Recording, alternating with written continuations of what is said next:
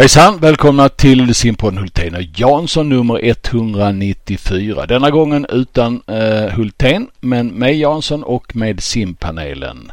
Eh, Camilla Johansson Sponseller och Marcus Wernström som snackar om mycket i simlivet och det ska ni alldeles strax få höra. Som sagt var, nu kör vi simpodden Hultén och Jansson nummer 194. 194. Nu ska vi snacka simning. De gör det bättre, det vet jag inte, men de gör det oftare. Det är ju omänskligt. Ja, men det gör vi Bosse, vi trummar på. Simpodden, Hultén och Jansson. Ja, då ska ni vara välkomna till simpodden Hultén och Jansson nummer 194. Eh, en förhoppningsvis bra podd, men på ett vis lite annorlunda för att eh, Hultén är inte närvarande.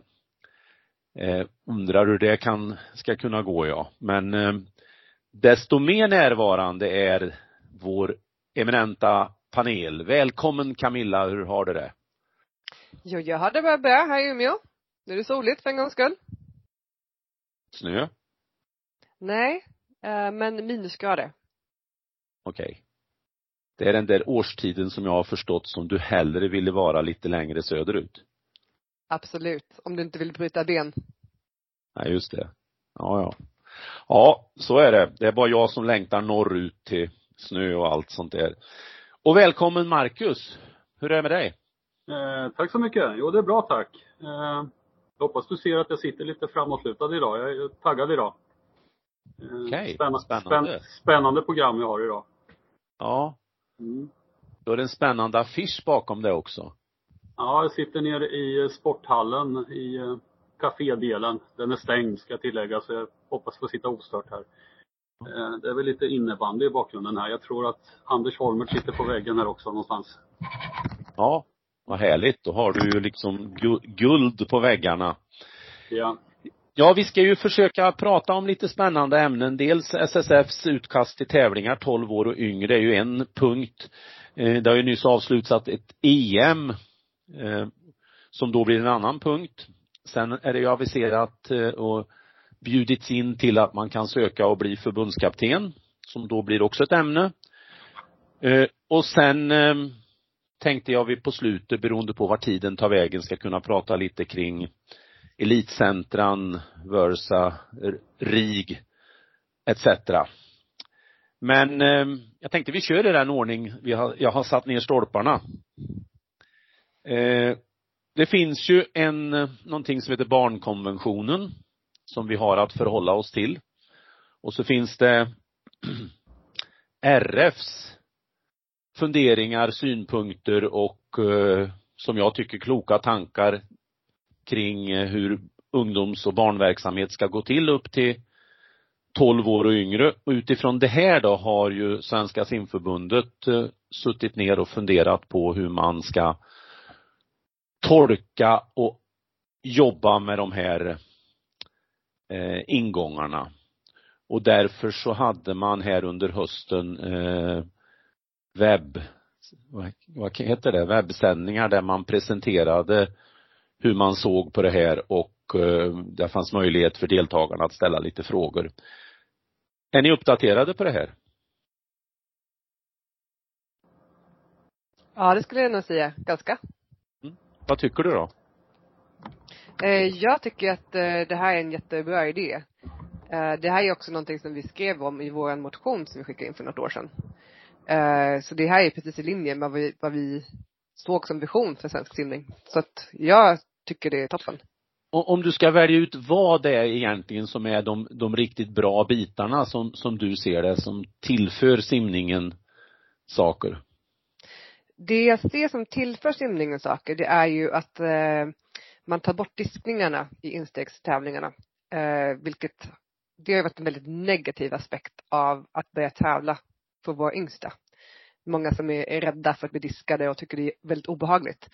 Eh, och det tror jag kommer få en stor effekt eh, ganska snabbt av att man inte längre diskvalificerar barn.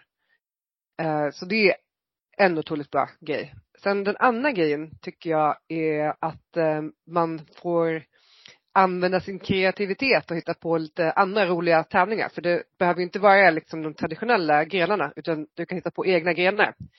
Och det gör att vi kan göra nya spännande tävlingar och sätta tävlas på. Så att det tror jag kommer bli jätteroligt att se vad alla tar sig an för grejer. Och vi kan säkert lära oss jättemycket av varandra i det. Eh, och sen tycker jag faktiskt att den delen som man har debatterat mest över, det har väl egentligen varit ehm, för vissa har varit väldigt förtjusta i, i en rankad resultatlista. Och eh, nu ska man inte längre ranka resultaten utan de ska ju presenteras i, i bokstavsordning istället. Eh, och jag tror att det kommer bli jättebra också för att eh, barn är ju inte dumma. De kan ju liksom läsa sig till var de hamnade någonstans om de verkligen vill veta. Men det kommer inte lika en, vara lika tydligt liksom om, man, om det är 26 som tävlar och så är det ditt namn längst ner på en lista. Och du var sist. Eh, det kommer inte vara lika tydligt utan eh, det tror jag kommer också vara väldigt positivt för idrotten. Mm. Är du enig med Camilla, Marcus, eller är det något du studsar över som du tycker man har hamnat snett i debatten? För det första har jag varit eh, passiv i, i debatten. Jag tycker eh, det är kul att, eh, att vi äntligen har lite debatt i svensk simning. Eh, några har ju yttrat sig i sociala medier och eh, jag tycker det här är en svår fråga, det är en komplex fråga. Det bästa tycker jag är att man har börjat titta på det. Eh, att man faktiskt eh, ser över barntävlingar upp till 12 år. För jag vet vart jag står i grunden och grunden är att, att vi ska inte göra en sämre kopia av vuxenidrott för våra barn utan vi ska försöka skapa världens bästa barnidrott istället. Eh, så jag välkomnar debatten och att det har kommit upp till, till ytan så att vi får vända och vrida på det här. Men när du säger världens bästa tävling för, för barnidrott, vad, vad är det du ser då? Ja, då ska det ju vara, nummer ett ska ju vara glädje.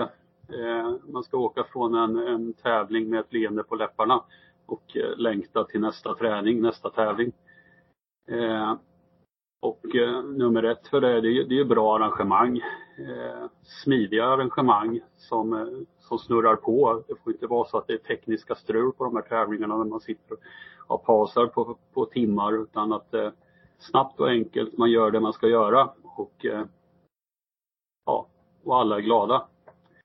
Och eh, en del är ju det här att det får ju, vi är snett ute om vi har fler funktionärer än, än aktiva. Eh, så, så där välkomnar jag att man ser över regelboken och att man kan göra enklare arrangemang med, med färre funktionärer. Eh, det är bra. Eh.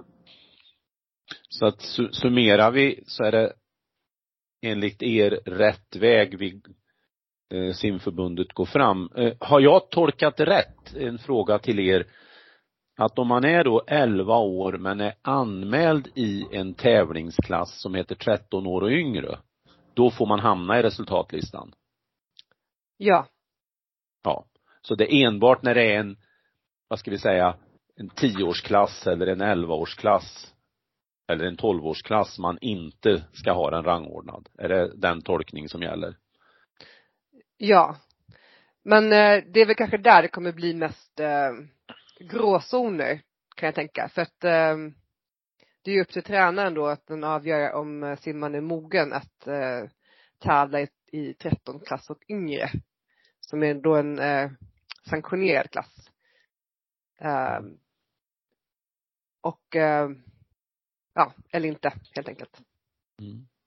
Hur blir det med eh, rankinglistor i Tempus och så? De försvinner helt och hållet då i, för ungdomarna? Eller vad tror ni? Eller kommer de att ligga kvar? Alltså att man kan gå in och finna gamla resultat och så vidare på ungdomar eller hur, hur, hur blir den delen? Eller kanske inte berörs alls? Ja, jag hoppas att, eh, att det finns kvar på, på något sätt. Sen inte sagt att det ska vara offentligt för alla. Eh, men att man för statistik, det tror jag är jätte, jättebra och jätteviktigt för, för framtiden. Och och det är då man verkligen kan se om en, om en tränare eller en klubb eh, sköter sig. Om man anmäler sig på rätt tävlingar och på rätt nivå. Jag vet ju till exempel att alla lagsporter, där är det ju prat om att man inte får eh, rapportera resultat och den biten. Men eh, faktum är att det gör man. Alla matcher bokförs. Och det ligger som underlag till kommande år. Eh, när man ska placera ut lagen på, på olika nivåer.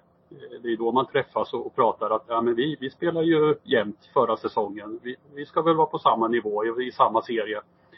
Eh, så jag tror att underlaget och eh, statistiken ska vi ha. Den har vi nytta av.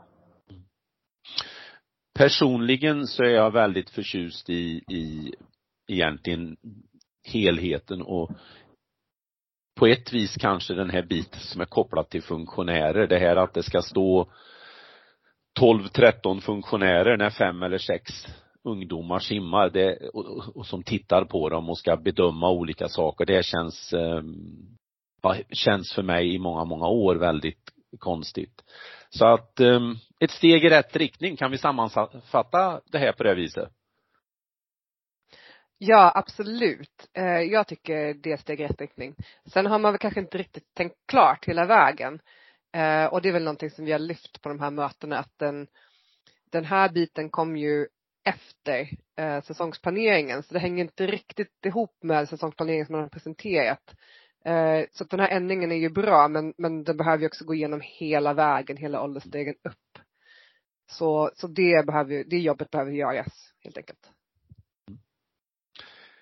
Okej, då lägger vi för tillfället det där åt handlingarna och sen eh, eh, blickar vi tillbaka till förra veckan, eh, Europamästerskapen. Det var ju en eh, hejdundrande fin tävling både vad gäller svenska prestationer och eh, många andra prestationer och personligen njöt jag också utav eh, Lasse Frölander och Niklas Nords sätt att eh, prata kring eh, simning när de fick chans i lugn och ro när det var prisutdelningar och så och, och prata. Det var nog bland det bästa jag har sett alla kategorier utav olika experter hit och dit och kommentatorer eh, som, som jag har upplevt under, under alla mina år. Så det, det gladdes jag också över. Vad tyckte ni om EM? Jag håller, jag håller med. Eh, det var väl, väl paketerat med eh, två bra kommentatorer och sen eh, bästa sändning vi får synas i, i SVT. Eh, så det var snyggt och proffsigt och viktigt.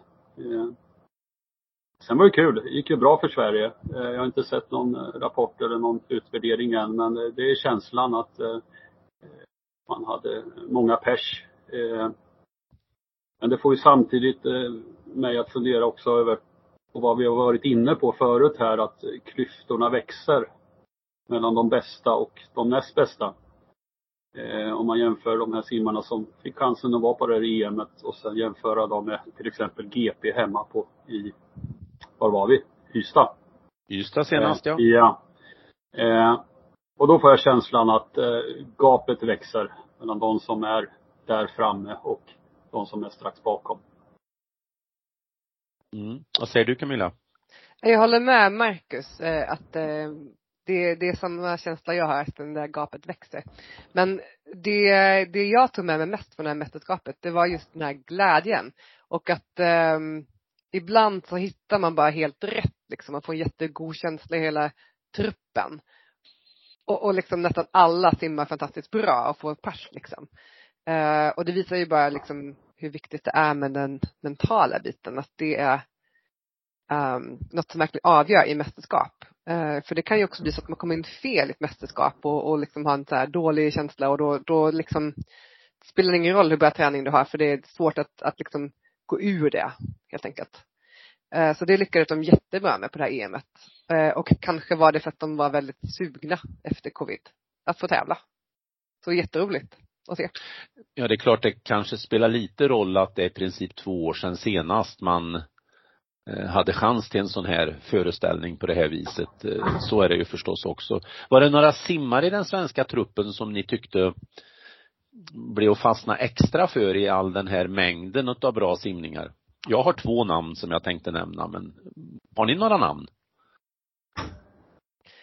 Jag, jag tyckte Sofia Åstedt eh, verkar otroligt eh, bra och peppad. Jag gillar verkligen hur hon eh, genomför sina lopp, eh, hur hon simmar. Eh, hon är ju bara 03 så hon är lite kvar att slipa på. Men här har vi nog också en blivande världsstjärna, skulle jag säga. Okej. Okay. Spännande. Någon annan? Som du tänkte på Camilla? Eh, jag tänkte också Emily Fast, eh, det här, att det här genombrottet hon hade i somras eh, till OS och sånt, att det var liksom ingen tillfällighet utan hon har verkligen, hon går från klarhet till klarhet. Och så är hon ju då väldigt eh, jagad av eh, Klara Thorman. Eh, det, det är också kul att bröstsynsundret fortsätter. Och att Sofie Hansson inte behöver känna sig alltför säker i sin tätposition. Vem av Klara och Emily, jag kommer strax till dig Marcus, vem av Klara och Emily ska simma tillsammans med Sofie på VM? 50 bröst. Den ena var snabbast och den andra eh, var före i finalen. Ja, det där är jättesvårt. Det, det där får de nog eh, fightas ut om tror jag. Faktiskt. Mm, det är ja, det är en spännande grej. Vad tyckte du då Marcus? Oj, eh, jag ska vara så tråkig att hålla med eh, Camilla här. Men jag har ju en, en förkärlek till eh, traditionella grenar och då är det ju kul att eh, även om det var på grund av strykningar att vi hade en svenska med i finalen på 200 frisim med Sofia där. Det, det tyckte jag var kul. Eh, kan hon eh, göra jobbet här nu framöver och komma ner på de här tiderna i långbana så, så ser det spännande ut. Vad tyckte du om grabbarna, Marcus? Eh, bra. Eh, det är ju lite sprintgrabbar där. Eh, en sån kille som eh, Erik Persson där är ju, det ska vi veta om, det var ju otrolig konkurrens på herrarnas bröstsim. Och eh, han är med där och eh, utmanar om medaljerna. Men eh, han var inne på det i, i sändningen också. Det här skulle ju lika gärna kunna vara en VM-final och eh, jag tycker det är häftigt att, att han hänger med så pass bra som han gör i kortbana. Eh, för det är mycket, mycket tyngd och mycket muskler i de här bröstsimsfinalerna. Eh, och då är det häftigt att se att han hänger med i, i sin simkapacitet och kan utmana. Jag törs nog säga att just 200 bröstsim och i viss mån delvis 100 men framförallt 200 bröstsim herrar var den grenen som var i särklass eh, störst konkurrens på där vi hade sex i princip av de tio bästa i världen. Och Erik hör hemma där. Jag, jag delade inte riktigt kanske Lasses syn på att det har skett stora förbättringar för Erik i vändningarna. Eh, jag tror ju hade det här varit i 50 meters bassäng så hade han eh, nosat dem ännu närmare i eh, i eh, axlarna för att kanske till och med ha placerat sig som tvåa i det där fältet. Ja, det var, det var imponerande. Eh, några andra namn eller saker som ni tycker att stack ut innan jag släpper mina två namn? Jag tänker att eh, det är kul också att se att det börjar röra sig lite på ryggsimssidan, både på, på, hos damerna och herrarna. Det, det är ju ständiga abert, ryggsimmet. Så att det är mm. kul att se att det är lite tjejer och killar som faktiskt tar för sig det. Ja, nu talar du utav eh, din egen gren så att säga, så den har du god koll på förstås. Är det så att du tittar lite extra på när det blir ryggsim? Absolut. Jag kikade jättemycket på Lisa Nystrand. Ehm, min, eh, mitt svenska rekord på 200 ryggsim är fortfarande med i den här topp 20-listan över mm. bästa tider i, i liksom, genom tiderna. Ja. Eh, och jag låg innan ehm, det här EMet tia. Men nu har jag blivit nedputtad av Lisa. Hon, ja. Eh, vilket är jättekul att se. Eh, hon eh, hade 200 delar sämre än mitt eh, liksom, svenska rekord på försöken och sen brakade hon ju vidare en hel sekund snabbare än det sen på kvällen. Det var bara jättekul att se hur hon tog sig an loppet och ja, respektlöst körde på liksom. Mm. Eh, ja, du kollar på ryggsim extra, Bosse vet vi kollar på bröstsim extra. Eh, jag kollar gärna på långt frisim extra för där har jag haft simmare som också fortfarande är med på den här 10 i topp listan alla tider trots att det är 40 år sedan. Vad va, va tittar du extra på Marcus? Eh, jag tittar på allt utom herrarnas 50 bröstsim. Nej då. Nej, jag, jag tycker att eh, det är, det är ingen vacker eh, gren. Det är två längder hets med, som jag var inne på, mycket muskler. Det finns finare lopp att titta på, då håller jag med om längre frisim. Någonstans medeldistans om man kan kalla 200-400 för det.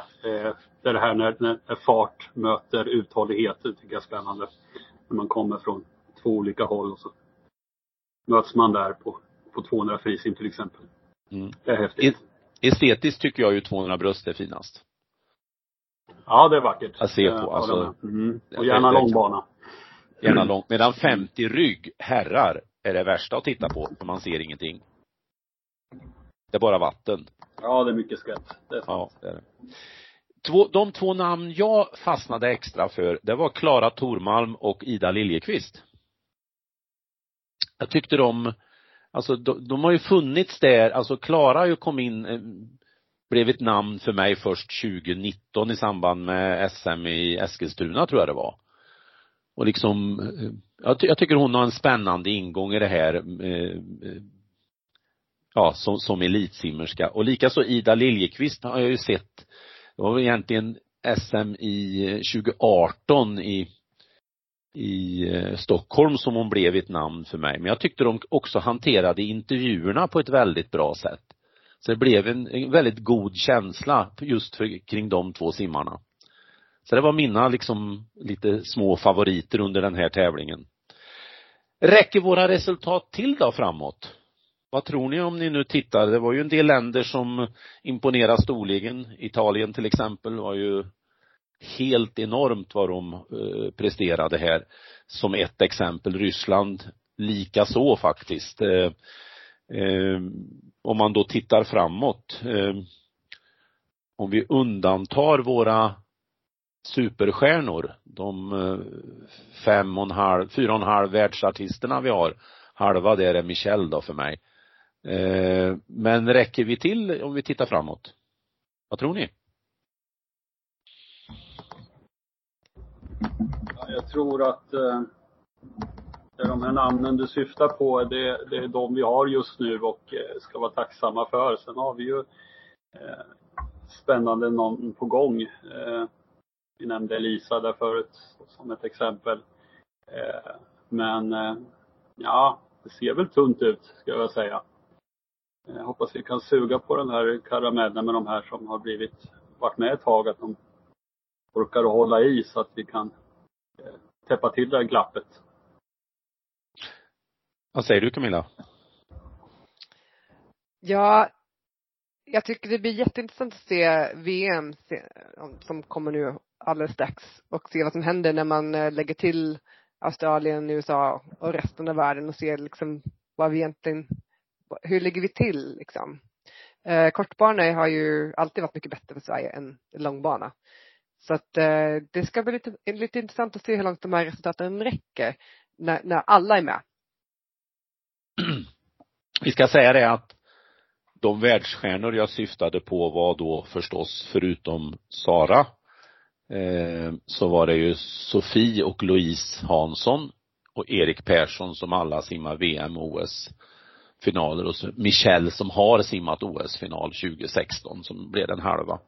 Jag tror det kan bli ett jättebra VM när det gäller det svenska laget.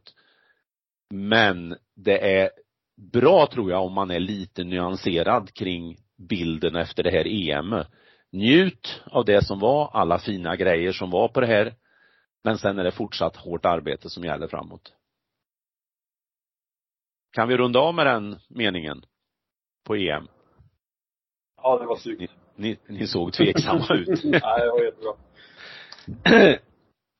Förbundskapten är ju ett mytomspunnet namn. Jag, jag, jag, tror det är få titlar som uh, har så oförtjänt många plus tecken i folks ögon som förbundskapten.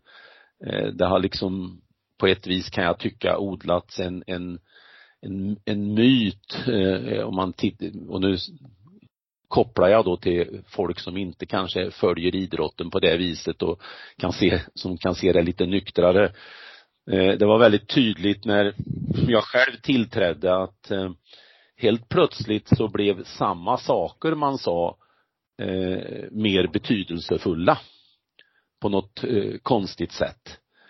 Eh, och nu står vi här att det är dags för en ny förbundskapten. Och förbundet har gått ut och sagt att det blir en halvtid Samtidigt som man har sagt att sportchefen inte heller blir en heltid utan sportchefen ska greppa över alla våra idrottsområden. Eh, inte bara simning. Och då blir min fundering eh, några här till er. Dels har ni några förslag kring namn. Vi har ju dropp, jag har ju droppat en massa namn eh, i olika poddar.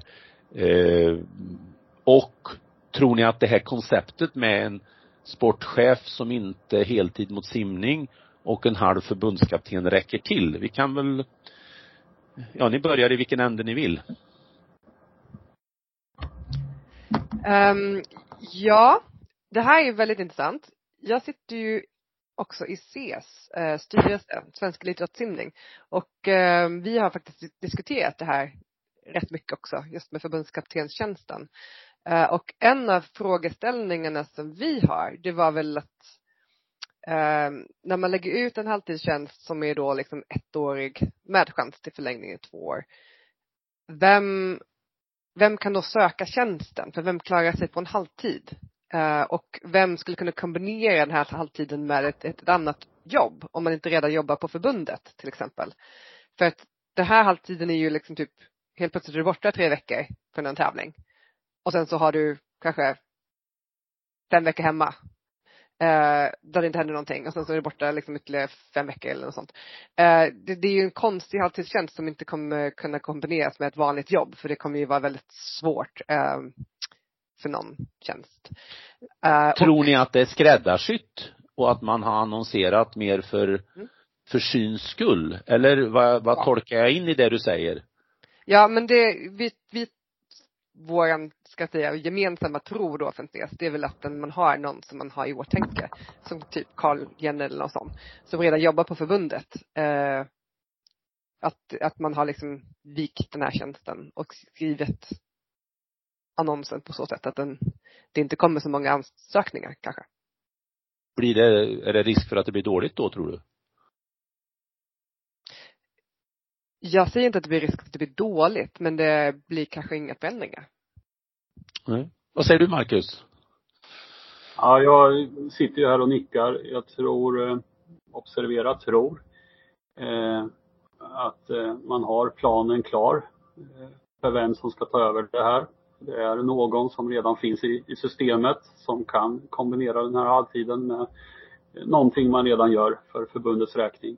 Jag tror att det är jättesvårt att kombinera med någonting annat utanför utan eh, i slutändan så tror jag vi kommer se en person som jobbar heltid för eh, svensk simidrott. Eh, och helt plötsligt så blir det inte så många namn kvar. Camilla nämnde Karl där och det är väl, det är väl mitt tips att vår förbundskapten kommer heta Karl Jenner. Skulle kunna vara Johan Wallberg?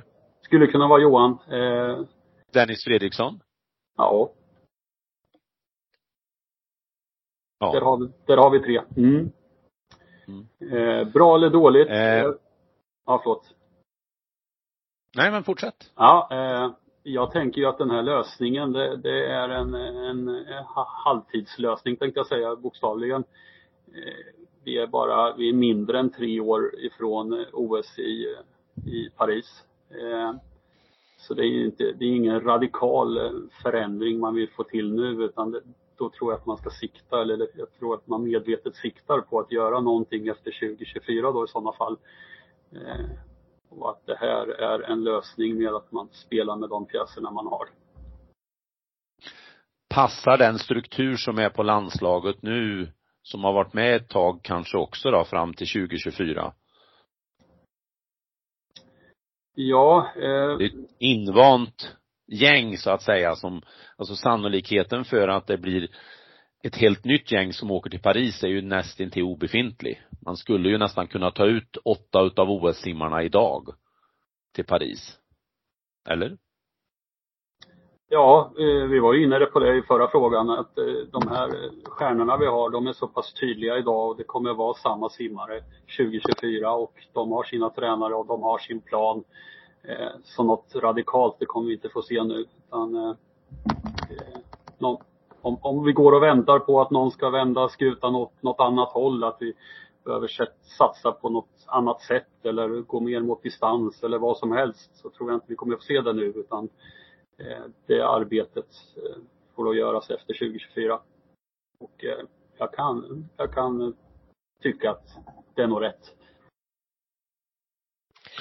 Jag, kan nog hålla med om det också, typ att det är lite för lite tid för att göra några radikala förändringar. Just nu.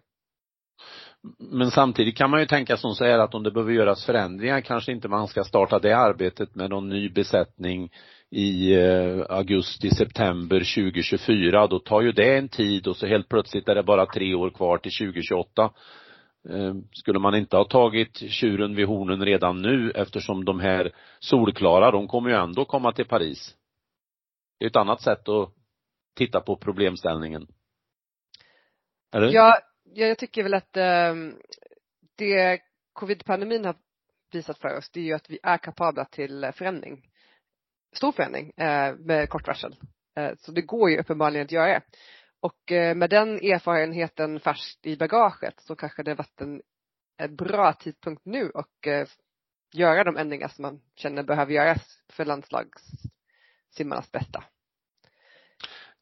Tror ni att man känner att det behöver göras stora förändringar? Nej, jag tror inte det, för då hade man väl gjort dem. Ja. Mm. Eh, jag tycker ju spontant att det är en nedrustning av tid. Att vi, eh, en så stor idrott som simningen är, eh, vi är en global idrott, att vi inte ens har en heltidsanställd sportchef och en heltidsanställd förbundskapten. Det tycker jag är en nedrustning av tid. Eh, ut, utan några andra värderingar. Det, det ser jag som en eh, då är vi ju den lilla idrotten helt plötsligt igen. Det är ju steget inte långt till hur, hur det var när vi hade de här rollerna för 40 år sedan. Och det, det reagerade jag över. Vad tror ni? Om, om tidsperspektivet? Ja, det är en halvtid. Det vet ju jag som delar två stycken tjänster och det hade känts väldigt futtigt fjuttigt om inte de här tjänsterna går att kombinera. Eh, jag har ju två tjänster som går hand i hand där jag ibland inte vet vem som är min arbetsgivare för stunden. Eh, så det är, det är ett måste att eh, man kan inte hålla på att räkna, nu gör jag det här i fyra timmar och sen stämpla in på ett nytt jobb i fyra timmar. Utan det måste vara en kombination som går hand i hand och gärna dubbelt. Annars är, det blir ju inget kvar. Ett, ett föreningsbesök nere i, från Stockholm ner till Jönköping där duktiga simmare finns. Det är ju en resdag, ett besök och en resdag hem. Eh, ah, det blir varken hackat eller malet. Nej, och då kanske man inte ens åker till Umeå. Nej. Så kan ju kontentan bli. Om vi, om vi summerar då. Vi är allihop lite nyfikna. Vi har en känsla av att den är skräddarsydd. Eh, jag i alla fall är kanske ännu mer tveksam till tidsperspektivet än, än ni speglade. Och det känns inte som att man, det andas kanske några stora förändringar. Var det en hyfsad ihopkok av vad vi har sagt? Ja. Mm. Ja, och sen, eh, sen det här med, den har vi inte varit inne så mycket på, eh, sportchefstjänsten som också blir eh, halvtid eller heltid utspridd på alla, alla discipliner. Eller kvartstid. Eller kvartstid, ja. Eh, och det här skulle ju kunna funka bra om allting är guld och gröna skogar i alla discipliner.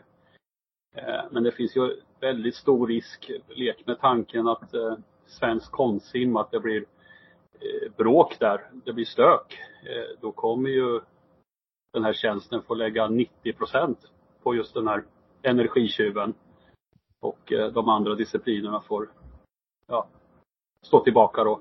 Eh, så det, det är den stora risken. Utan på pappret ser det säkert bra ut om allting rullar på. Eh, men eh, när utmaningarna kommer då, då är risken stor att någon får stå tillbaks. Mm. Något ytterligare där? Camilla kring sportchefsdelen? Nej, men alltså typ min reflektion har ju varit att en, Ulrika Sandmark har ju varit eh, både sportchef och förbundskapten. Och det har ju varit liksom, de två rollerna har varit väldigt svåra att kombinera på ett sätt. För att ibland så har ju liksom typ egentligen rollen varit motsatta till varandra. Eller borde vara det, liksom. Um, och det har ju tagit väldigt mycket tid. Uh, det känns som att Ulrika har fått jobba väldigt, väldigt mycket. Uh, så det känns inte som att det har inte varit en vanlig fulltidstjänst. Det har varit mycket, mycket mer än fulltid. Så att man bara delar på det rakt av och säger liksom att det här blir det här.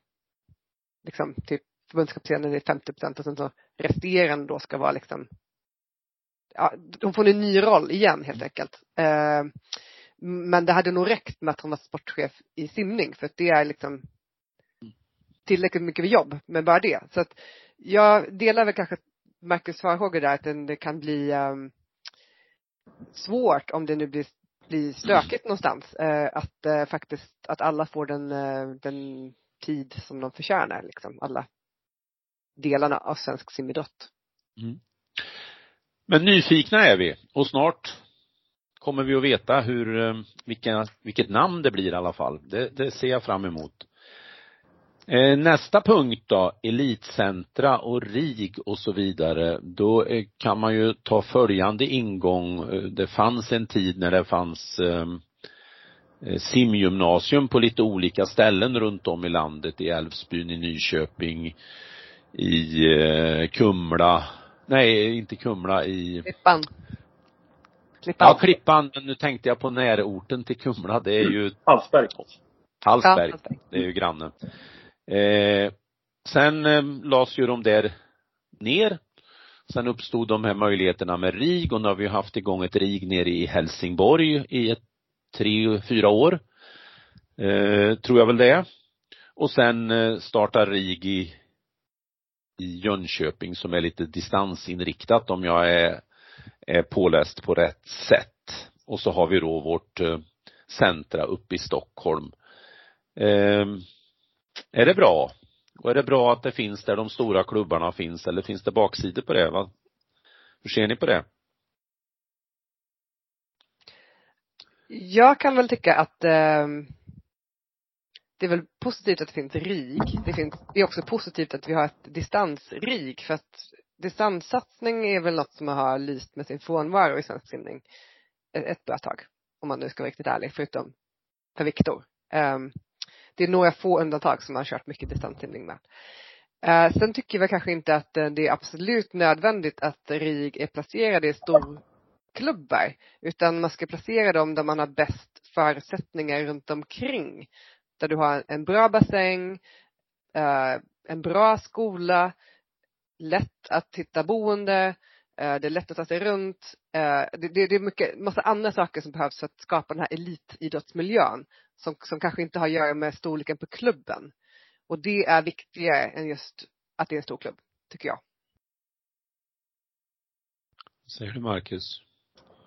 Att eh, lägga till, eh, addera titeln RIG på någonting som redan fungerar, det är ju väldigt, det är ju enklaste vägen att gå.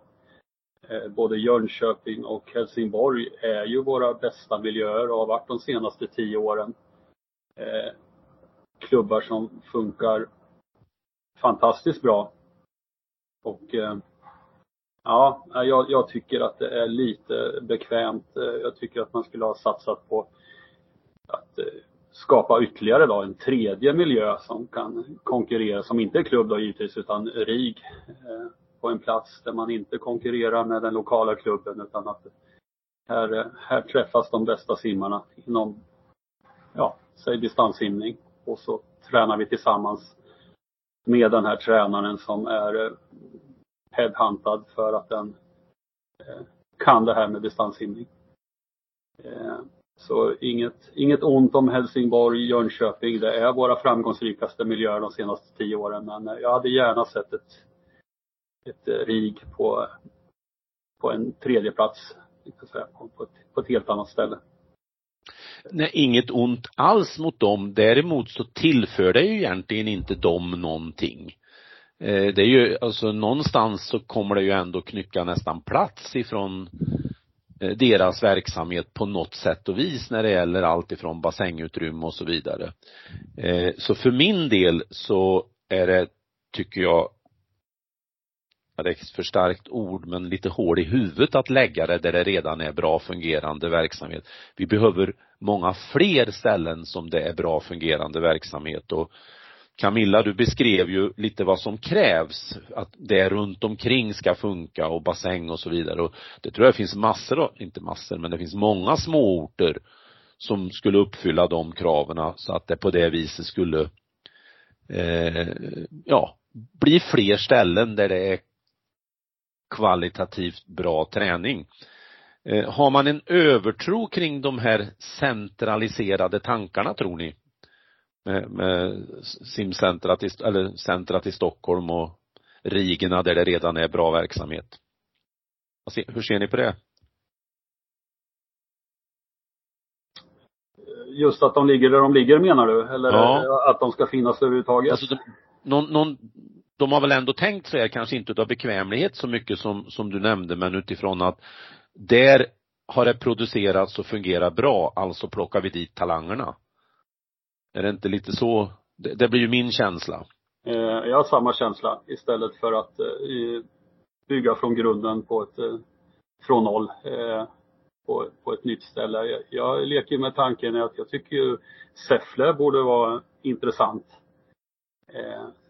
Mm. Om, om det är intressant för ett RIG eller ett eftergymnasialt alternativ, det, det, vet jag inte. Men att det gör det spännande är ju för att det, det är en håla.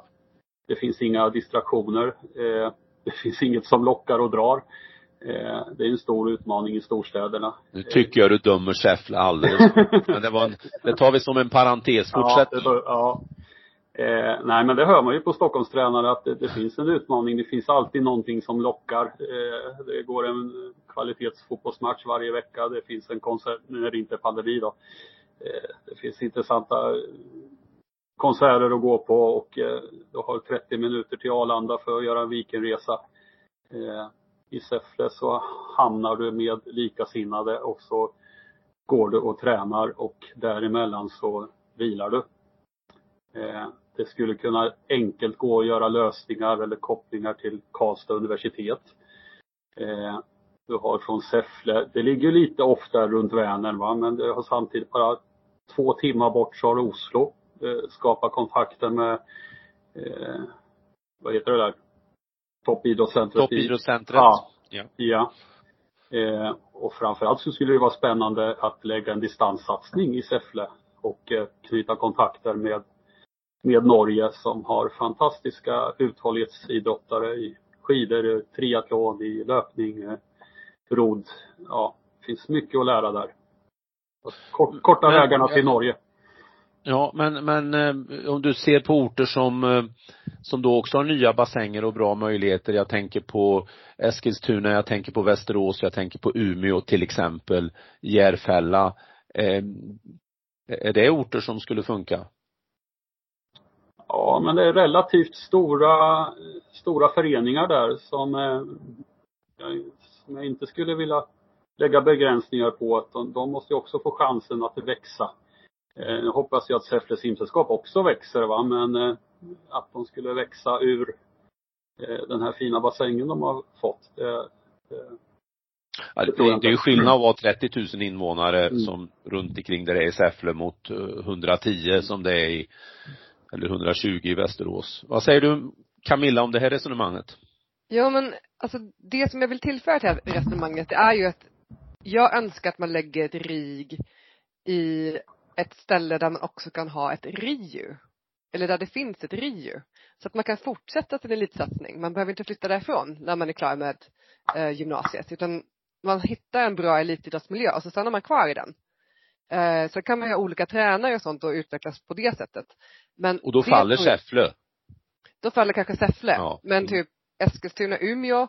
Det finns ju många föreningar som, som, eller städer där man skulle kunna ha det här konceptet. Och det tror jag är, är viktigare för svensk simning och deras framtid. Att vi skapar de här elitidrottscenterna, elitidrottsmiljöerna där man kan vara i en längre period. Inte bara liksom tre, fyra år, sen är du klar, hej då, liksom, lycka till. Eh, utan att det blir en längre satsning. Det, det tror jag är nyckeln till framgång. Och både och. Många ställen runt om i landet där det är högkvalitativ träning tror jag i en vårt lilla land med väldigt få simmare totalt sett som ska konkurrera på en världsmarknad som blir bara tuffare och tuffare. Då tror jag fel väg är att få få ställen där det är högkvalitativa eh, träning. Det gäller att få många sådana ställen. Det är min betraktelse utav det hela. Och, och jag Ja. tänker också att man måste Ja. öppna dörren lite mer också för, för liksom fler att kunna fortsätta. Alltså man måste kunna ge mer, fler chansen att hålla på. Eh, och det måste finnas en plan för när man går ut gymnasiet. Just nu så känns det inte som att det finns, trots att behovet har funnits i många år så finns det liksom inget fast. Eh, och Nej. de alternativ som finns, det är liksom nästan ingen av simmarna som vet om det heller, att det här finns. Eh, att man kan åka på Rio och skriva på elitidrottskontrakt. Eh, att det finns anställare som kan anställa en och man kan jobba som typ amerikanska olympiker med, med eh, home office liksom. Eller office depot liksom. Vad heter det? Home depot? Nu säger jag helt fel. Ja, home depot liksom på, på, på deltid så att man kan kombinera sin elitkarriär med ett sätt att få in pengar Mm. eller att kunna studera på. Det är det vi behöver fokusera på. Okej, klockan går iväg. Eh, eh, och vi har pratat utan Bosse Hultén och så ska han lyssna på det här. Han blir vår största kritiker någonsin när vi har, har samtalat. Jag vet inte om jag törs skicka iväg ljudfilen till honom men jag ska ta mod till mig under eftermiddagen. I övrigt ska jag sen börja förbereda mig för nu kommer han ju inte sända det här just nu men det är ju ISL kommande dagar så det hoppas jag att ni kollar på. Eh, trevligt att ha er med, eh, Marcus och Camilla. Eh, tack ska ni ha. Tack själv. Tack själv.